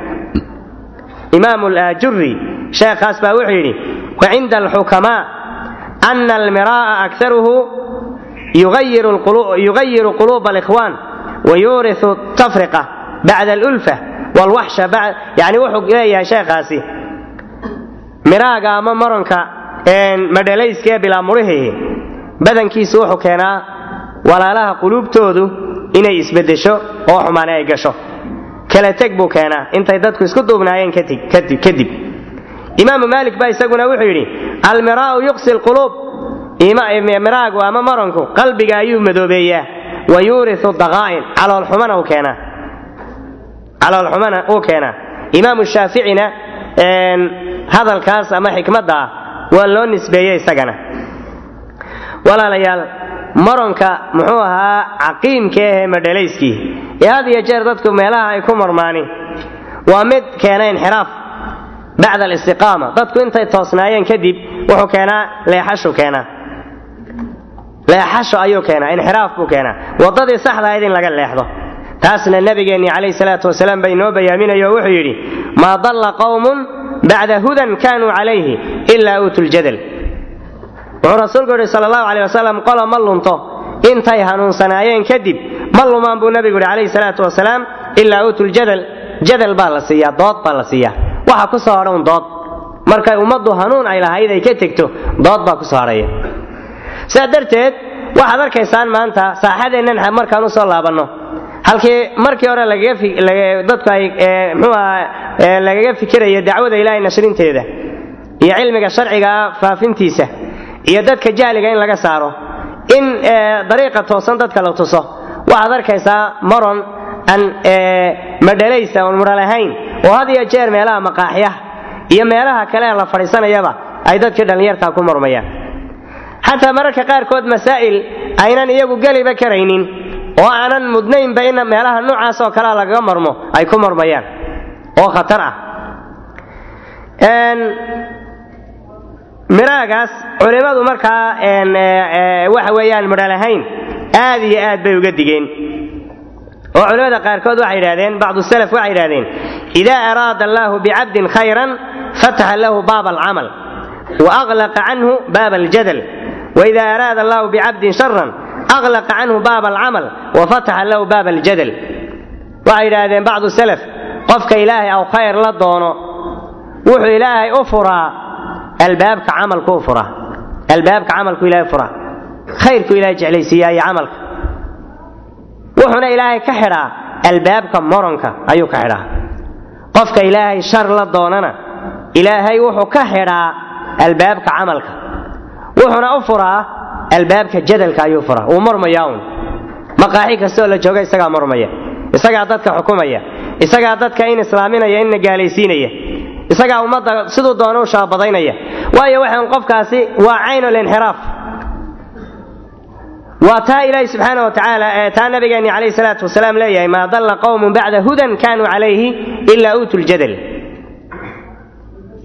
waa maron anan asluubtiisii iyo akhlaaqdiisii wadan oon dhaqankii culimmada wadan oon daliilkiisii wadan oo aanan naxariistii culimmadu lahaayeen iyo dalabatulcilmi aan wadan.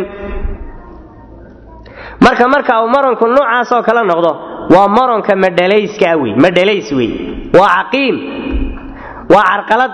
Qofkaana waa qof albaabkii camalka. Dee waxa weyaan saa culimmada salafku ay yidhaahdeen qofku ilaahay khayr la doonana albaabka camalku ilaahay furaa baabka jadalkana u ka xidhaa. Qofka shar ilaahay la doonana albaabka jadalka loo furaa albaabka camalkana oo laga xidhaa. Ilaahi subxaana wa waxaan weydiisanaynaa in albaabka camalka ilaahi subxaana wa aw inoo furo. Walaalayaal waxaan soo qaadanaynaa maadaama aan jadalka ka hadlayno imaam baan soo qaadanaynaa imaamu shaafici miaal baan soo qaadanaynaa tusaale imaamu shaafici raximah llahu tacaala miaal buu ku ahaa tusaale. Dadkii wan wanaagsanaaye ahlulcilmiga ahaa. Maaha qof marmaya kama hadlayno culimmada waxaa dhex dhici jiray munaadaraat. Munaadara la ydhahdaa way munaadaroon jireen. Waxa ay ka munaadaroon jireen masaa'ilka cilmiga ah ayaa laga wada hadli jiray. Mid kastiba wuxuu rabaa xaq keliya. Wax kale ma rabo. Xaq buu rabaa. Ama xaqa isaga ilaahay carabkiisa ha ku rido ama ka kale ha ku rido. Marka xaqu u caddaado xaquu raacaya midna ma cadhoonaayo imaamu shaafici baan soo qaadanaynaa raximahullah imaamu shaafici raximah llahu tacaala aqwaashiisii waxaa ka mid ah wuxuu yidhi maa naadartu axadan ilaa waaxbabtu an yajriya alxaqu calaa lisaanih wuxuu yidhi cid aan la munaadarooday oo aan masaa'il cilmiga ka niqaashnay ma jira buu yidhi. Haddayse jirto waxaan jeclaa buu yidhi ilaahay xaqa carabkiisa inuu ka muujiyo. Oo carabkayga auna ka muujinin. Waa imaamu shaafici raximah llahu tacala raxmatan waasica imaamu shaafici waa dersi culus weeye waa munaadara waa masaa'il cilmi ah ayay ku marmayaan. Caalim bay marmayaan oo ay munaadaroonayaan waa munaadara.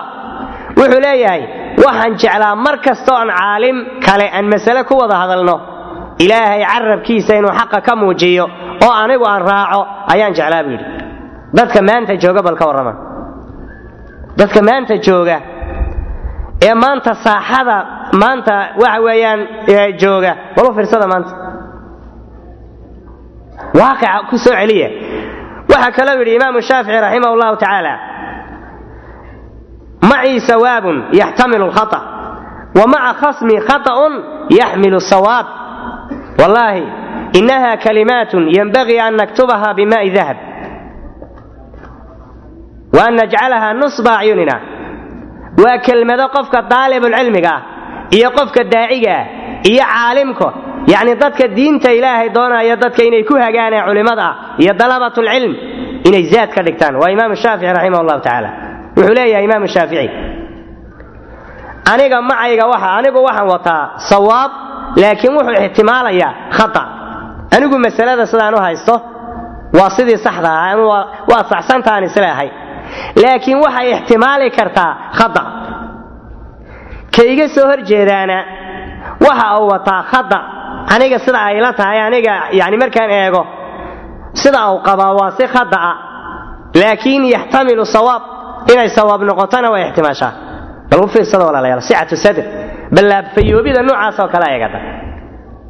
Maanta waxa saaxada jooga kani waxa uu wataa waxaad moodaa nebi loo soo waxyooday aayadaha malaku jibriil oo nebi maxamed loo soo diroo kale aad moodaa oo aayado gaara lagu soo dejiyey ayaad moodaa?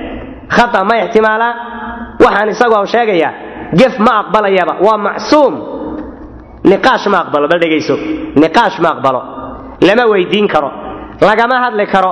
Cidda ka hadasha waa mujrim ama diintaba ka baxayaaba cidda masaladaa ka niqaashtaaba. Diintaba way ka baxaysaa cidda ka hadashaaba hadda ee soo hadal qaadtaaba waa wax sawaaba oo khadda ixtimaalaynin oo macsuum ah oo in laga hadlaana ayna bannaanayn. Waa saas weeye. Bal sifada noocaas oo kalea culimmadii waaweyneyd ula noqda. Qof aan niqaash ba aqbalayn oo le waxaygu niqaashba ma aqbalo. Waa sawaab anan khata'ba ixtimaalaynin leh waxa weeyaan arrintaasi waa qodobka soo socda. Yacni waxa weeyaan waa hawa weeye hawo. Waa itibaacu lhawa. Waayo haddaan xaq raadisahay waa inaan waxayga halkan soo dhigoon idhahdo war haddaan yani aan sax ahayna dee anigu sidaabay la tahay adiladii iyo wixii aan keeno. Haddii qofkan kale au xaq iyo sawaabkii ku taagan yahayna dee waan raacaya. Laakiin hadday qofka meel xanja ugu dhegan tahay ama waxa uu soo aaminay oo daliilka ka hor iyo aayadda ka hor iyo culimmadan aqwaashooda ka horba waxau sii rumeeyey waa rumayn. Markaa rumayni daliil waa wax ictiqaada markaa sidaa wax laguma soxo ummaddu niqaashkii bay aqbalayaan. War gaaladii ayaa maanta yurub waxaad ogtiin way midoobeen. Wax kastay mideeyeen. Dowladdii hoosey midaynayaan dowladdii hoose iyo lacagii iyo wixii oo dhan wixii o dhan wax badan baa la yani waxaa laga hadlayaa in waxyaabihii ugu hooseeyey la mideeyo. Markaas baa innakana waxa weeyaan adnaa shay dadkii muslimiinta ahay xataa waxay ku leeyihiin waxaygu anigu wax wada hadalba ma aqbalo. Waaye halkeed waxaan ka keentay adigu. Nebiguu niqaashi jiray. Wuu dhegaysan jiray.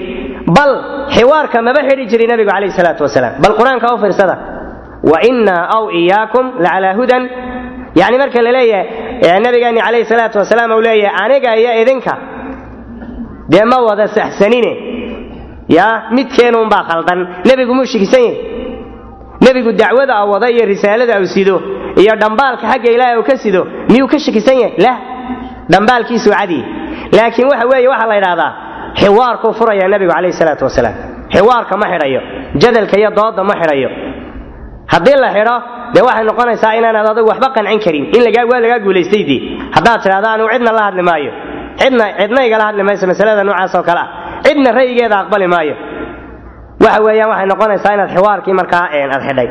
Imaamu shaafici wuxuu yidhi macii sawaabun yaxtamilu lkhata wa maca khasmi ka ila doodaayana miciisa waxa ah khata'un yaxmilu sawaab.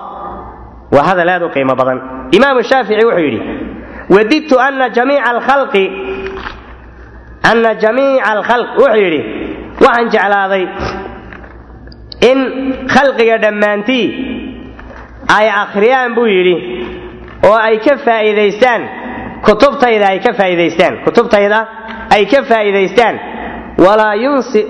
Walaa yunsibuuna ilaya minha xarfaa oo ayna xaraf ka mida imaamu shaafici baa le ayna odhanin.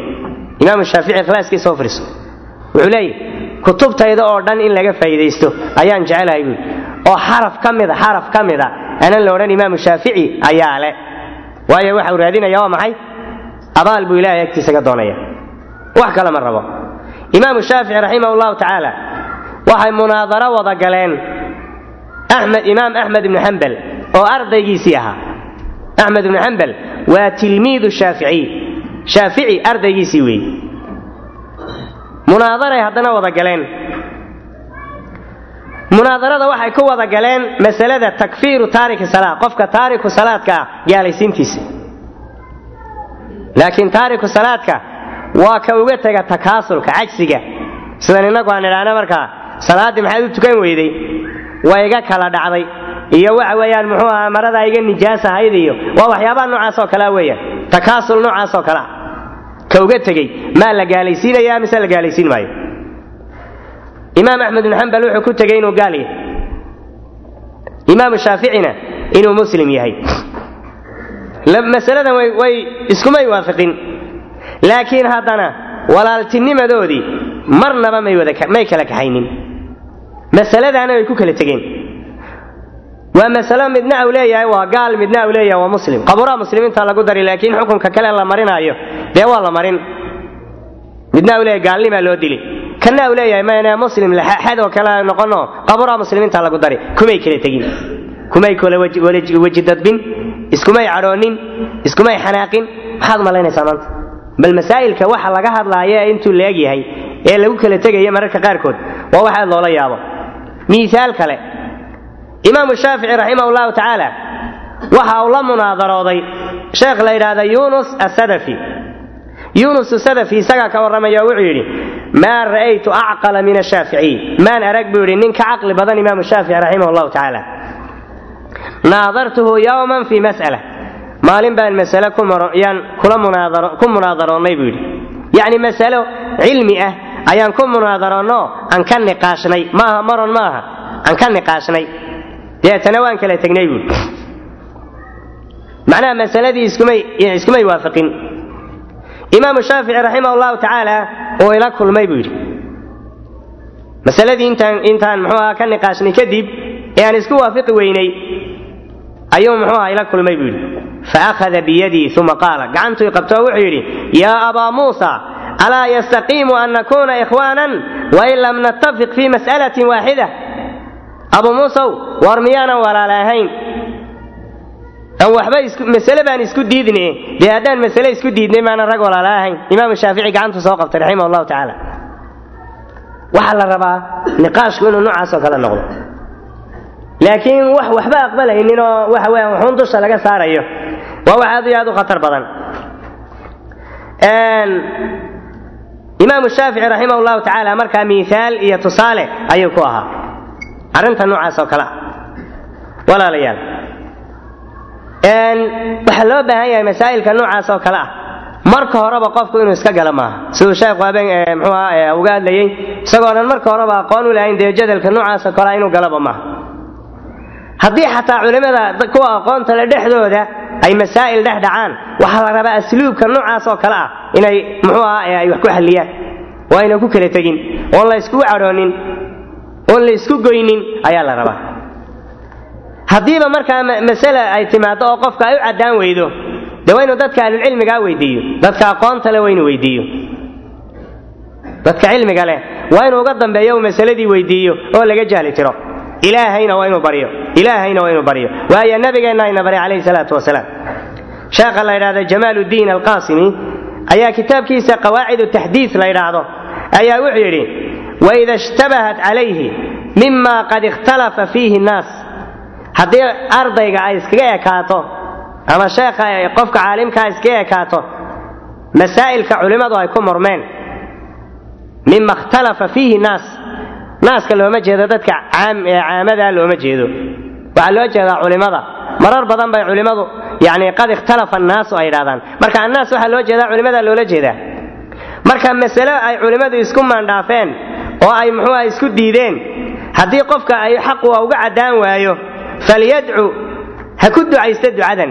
Imaam muslim uu soo saaray. Xadiidkan caaisha ay warinayso imaam muslimna uu soo saaray. Nebigu calayhi salaatu wasalaam marka uu habeenkii soo kaco oo uu salaatuleylka u kaco wuxuu odhan jiray allaahuma rabba jibriila wa miikaa'iila wa israafiila faatira asamaawaati waalardi caalima alghaybi washahaada anta taxkumu bayna cibaadika fima kanuu fiihi yakhtalifuun ihdinii lima اkhtulifa fiihi min alxaqi biidnik inaka tahdii man tashaau ilaa siraaطin mustaqiim waa duca aad u qiimo badan in badan baan dhallinyarta xasuusiyaayo duco ka macaan oo ka dhadhan badan waqtigaa maanta aan joogno waxa weeyaan in ilaahay subxaana wa tacaala qofka uu baryo tawfiiqda ilaahay subxaana wa tacaala weydiisto.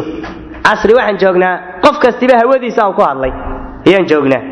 Nabigeennu markaa habeenkii soo kaco ducadaa buu aqrin jiray. Ihdinii lima khtulifa fiihi min alxaqi biidnik. Waa nabigeenni calayhi salaatu wasalaam. Waxaa laga yaabaa qofka maanta jooga ama aalib alcilm ama kaa iska marmaya wax iska xukumaya shaabadda wataa inuu is leeyahay waxaygu cad yahay ma ducaan u baahanahay? Laa xawla walaa quwata ila billah. Cidda ilaahay baryaysa horta waayo waa nebi maxamed calayhi salaatu wasalaam ihdinii lima khtulifa fiihi min alxaqi biidnik inaka tahdii man tashaau ilaa siraatin mustaqiim. Waa nabigeenni calayhi salaatu wasalaam ilaah igu hanooni. Waxa lagu murmay ee laysku khilaafay ilaahwkiisa xaqaa ilaah igu hanooni. Inaka tahdii man tashaau ilaa siraatin mustaqiim. Waa inaad ilaahay baryada subxaana wa tacaala laakiin haddaad leedahay cidda ilaahay baryaysay waa cidda dee xaqu uu ka daboolan yahay ayna wax u caddayni. Dee aniga waxbaa i cad haddaad leedahay. Bilisaani xaalik ay saa tahay. Oo aad shaabad iska wadato. Oo kaa doontana aad leedahay kani waa mubtadic. Kana waxa weeyaan waa ahlu sunna. Kani waa gaal kana waa muslim. Oo shaabadaba jeebka aad ku wadato. Wallahi waa caynulinxiraaf wey waa caynulinxiraaf waa inxiraafkii laftiisiiba dee. Oon biyo ismarin waayo buu yidhi markaa sheekha jamaaludiin alqaasimi wuxuu yidhi ilaahay subxaana wa tacaala ee nabigeenni calayhi salaatu wasalaam wuxuu yidhi xadiidka ilaahay au ka wariyey ee xadiidulqudsiga yaa cibaadii kullukum daalun ilaa man hadaytuhu fastahduunii dhammaantiin waad hallowsantihiine aniga hanuun i weydiista ahdikum waani hanuunini ilahay baa hanuunka marka waa inaad ilahay hanuun weydiisato ilaahay u tadarucdo ilaahay subxaana wa tacaala isku dhuldhigto rabbi aad weydiisato tawfiiqda iyo waafajinta aad weydiisato. Ka leexsanna ilaahay subxaana wa tacaala aad u barido. Haddaad adiga laftaadu waxaan aad diyaar u noqoto wixii xaqa inaad qaadato aad diyaar u noqoto. Yacni qof xaq diyaaro xaq raadis noqo khulaasada. Qof xaq raadisa noqo xaq raadis. Waxaad moodaa waqtigu inuu inagu kooban yahay. Waxaa ka mid a itibaacu lhawa waxyaabaha qalbiga ku dhaca hawadoo la raaco ayaa ka mid a qofku inuu hawadiisa iska raaco oo waxa weeyaan waxa uu wax ku qiyaasayaaba hawa ay noqoto. Imaam ibnujawsi baa wuxuu yidhi man rakiba alhawa hawa bihi. Qofka hawada fuulaa hawa dee hawadu way la dhacaysaa way la hoobanaysaa marka. Oo muxuu ahaa waa ku halaagsamaya nabigeenni calayhi salaatu wasalaam wuxuu yidhi alaaun muhlikaatun saddex waxbay halaagaan. Shuxun mutaac shuxun mutaac bakhaylnimo qofku aw adeeco oo iyada addoona u noqdo iyo hawan mutabac hawan mutabac iyo hawo la raaco. Qofku inuu hawadiisa iska raaco waicjaabu lmari binafsih iyo qofku inuu naftiisu ayaab geliso markaa xadiidkaasina waa xadiid nabigeena calayhi salaatu wasalaam ka asaxay marka waxa weeye hawadaada oo aad raacdo hawadaada aad raacdo. Macnaha siday adiga kula tahay uun adigoo yani wax xuduud oo ku joojinaya iyo nusuus ku joojinaysa ayna jirin. Waa wax aad u khatar badan. Waana waxyaabaha qalbiga ku dhaca. Cumar bn cabdilcasiis baa wuxuu yidhi laa takun miman yattabicu alxaqa idaa waafaqa hawaah waan ha noqonin buu yidhi ka xaqa raaca marka hawadiisa waafaqo. Waa cumar bn cabdilcasiis. Ee lagu tiriyaba khaliifkii shanaad lagu tiriyo. Ha noqonin ka xaqa raaca. Marka uu hawadiisa waafaqo. Wa idaa khaalafa hawaahu. Xaqa khilaafa. Marka hawadiisa xaqu aw khilaafana xagga xaqa khilaafa. Faidan anta laa tusaabu calaa ma tabactahu min alxaq wa tucaaqabu calaa mukhaalafati. Wuxuu yidhi haddaad xaqa raacdo marka uu ku waafaqo. Xaqa aad khilaafto marka uu hawadaada khilaafo. Wuxuu yidhi waafiqidda aad waafaqdayna lagaa abaal marin maayo. Khilaafka aad khilaaftayna waa lagugu ciqaabaya. Waayo hawadaadaad raacday labada jeerba. Markanaad xaqa waafaqday hawadaadiibu waafaqo. Siday adigu aad jeclayd buu waafaqay. Markaa laga abaalmarinaayo walaalayaal sifada qofka caalimka ee rabbaaniga ah waxa weeyaan in qofku markaa qof munsifa noqdo munsif oo caadil ah. Waxaa ka mid ah waxyaabaha qalbiga ku dhaca qofku inuu tacasubo waxaanan xaq ahayn inuu tacasubo. Xaqa waxaanan ahayn inuu u tacasubo ayaa ka mid a waxyaabaha khatarta ah ee qalbiga madoobeeya. Waan soo ururinaynaa. Waxaa ka mid a waxyaabaha qalbiga madoobeeya inuu qofku adduunyada aw aad ugu tego. Oo maalan jaaha iyo mansabka iyo ri'aasadu ay maanka iyo miyirka ka qaadaan. Oo xaqa ay ka indhatiraan. Oo qofku aw taa u dhereeriyo. Taasi waxay keenaysaa markaa qofku inuu lumo. Inuu lumo ayay keenaysaa nabigeennu calayhi salaatu wasalaam wuxuu yidhi idaa futixat calaykum khazaa'inu faris waruum ayu qowmin antum? War talow marka khazaa'inta faris iyo rum laynii furo talow sideed ahanaysaan cabdiraxmaan ibn cawf wuxuu yidhi naquulu kama amarana allah. Siduu ilaahayna faray baan dee yaan yeelaynaa. Markaasuu rasuulku yidhi sal allahu alay wasalam aw hayra dalik aw hayra dalik tatanaafasuuna uma tataxaasaduun uma tatadaabaruun uma tatabaaqaduun wuxuu yidhi sidaa noqon mayse marka khasaa'inta iyo maalka iyo ri'aasada iyo wax badan layniin furo adduunyadaad ku murmaysaan waad ku tartamaysaan waad isxastaysaan waad isku daba jeedinaysaan waad isku cadhoonaysaan buu yidhi. Fudayl ibnu ciyaadna wuxuu yidhi maa min axadin axabu axabu axaba ari'aasa ilaa xasada wabaqa qof madaxtinimo jeclaaday ma jiro ilaa waxa weyaan xasad buu la yimaadaa una xadgudbaa. Wa tatabaca cuyuuba annaas dadka ceebahoodana u raacraaca. Wa kariha an yudkara axadan bikhayrin cid kale in khayr lagu sheegana u naca cid kasta oo madaxtinimadu maanka iyo miyirka ay ka qaadaa waxa weeyaan ceebahaabay leedahay buuri xasad baa qalbigiisa gala ceebaha dadka kale u raacraaca cid kale in khayr lagu sheegana ma doono waad arkaysaan marka waxaasoo dhan maanta waan ka dheregsannahay madaxtinimada iyo ri'aasadu halka ay waxgaadhsiinayso maanta innagoo soomaali haddaan nahay wax badan baa waaqica maanta inoo muuqdo oonan sharax badan iyo balballaadhin iyo bashbashaaqin aanan u baahnayn oo qof kastiba u garanayo. Abu nucaym baa wuxuu yidhi wallaahi maa halaka man halaka ilaa bixubbi ri'aasa. Cidda halaagsantay wax halaaguun waa xubbi ri'aasa. Waxaa laga yaabaa inuu diintiisiiba u iibiyo. Fii waaqici alard ayay taasi maanta inooga muuqataa. Imaamu shaafici baa suureeyey adduunyadan iyo in lagu mamanaado. Wuxuu yidhi waman yaduqi dunya fa innii dacimtuha wasiiqa ilayna cadbuha wacadaabuha falam araha ila jiifatan mustaxiilatan calayha kilaabun hamuhunna ijtidaabuha fain tajtanibha kunta silman liahliha wain tajtadibha naasacadka kilaabuha.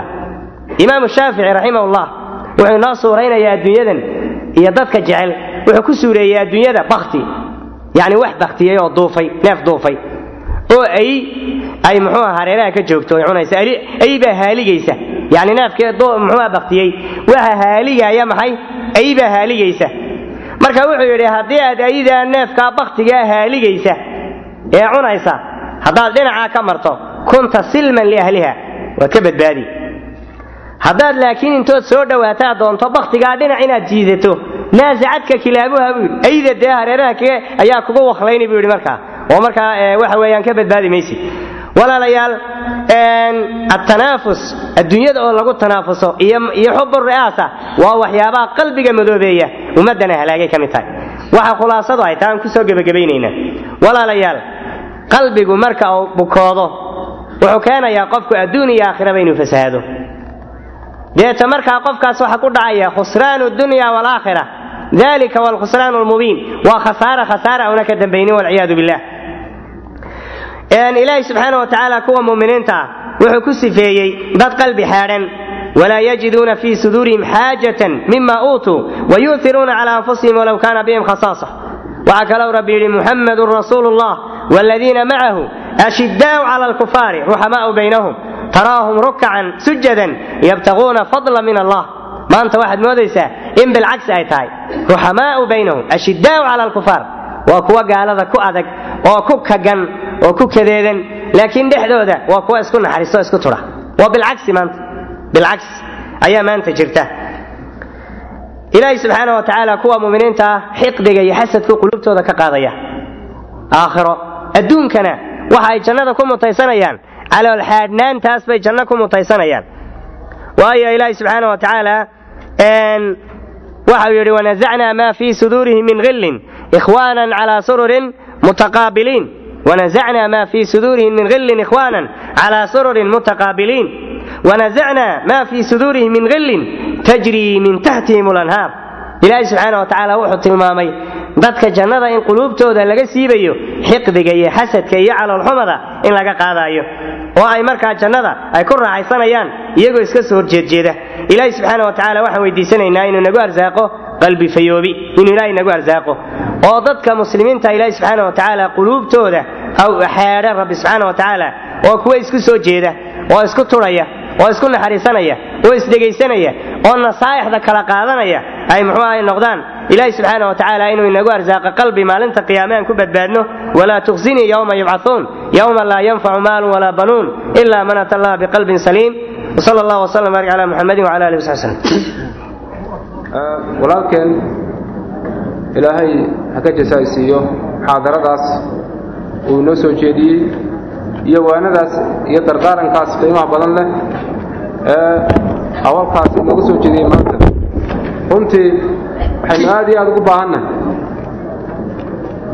inaynu weelayno oo aynu ku dhaqanno dardaaranadaas qof kasta oo maqlaya ama dhegaysanaya ama ay gaari doonto waxaa runtii loo baahan yahay oo qof kasta u baahan yahay inay laabtiisu xaadhnaato qalbigiisuna u fayoobaado si uu ilaahay ula hortago yowm laa yanfacu maal walaa banuun ilaa man ata allaha biqalbin saliim.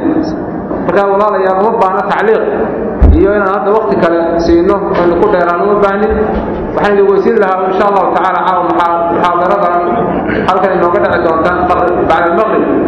Waxa weeye sheekh maxamed cumar dirir ayaa inoo qaban doona insha allahu tacaala dowr marati muslima ayaana muxaadarada ciwaankeedu noqon doontaa insha allahu tacala haddii alla ka dhigo waxaa kaloo idin xusuusinayaa as'ilada kolley caawa ugu dambaysa su'aalaha qabashadooda ciddii mawaadiicdii ama muxaadarooyinkii la soo galay wax ku saabsan oo mawduucya ama mawduucyo kale lafteedaba haysa oo su'aalaa soo gudbisa markaa caawa insha allahu tacala haddii alla ka dhigo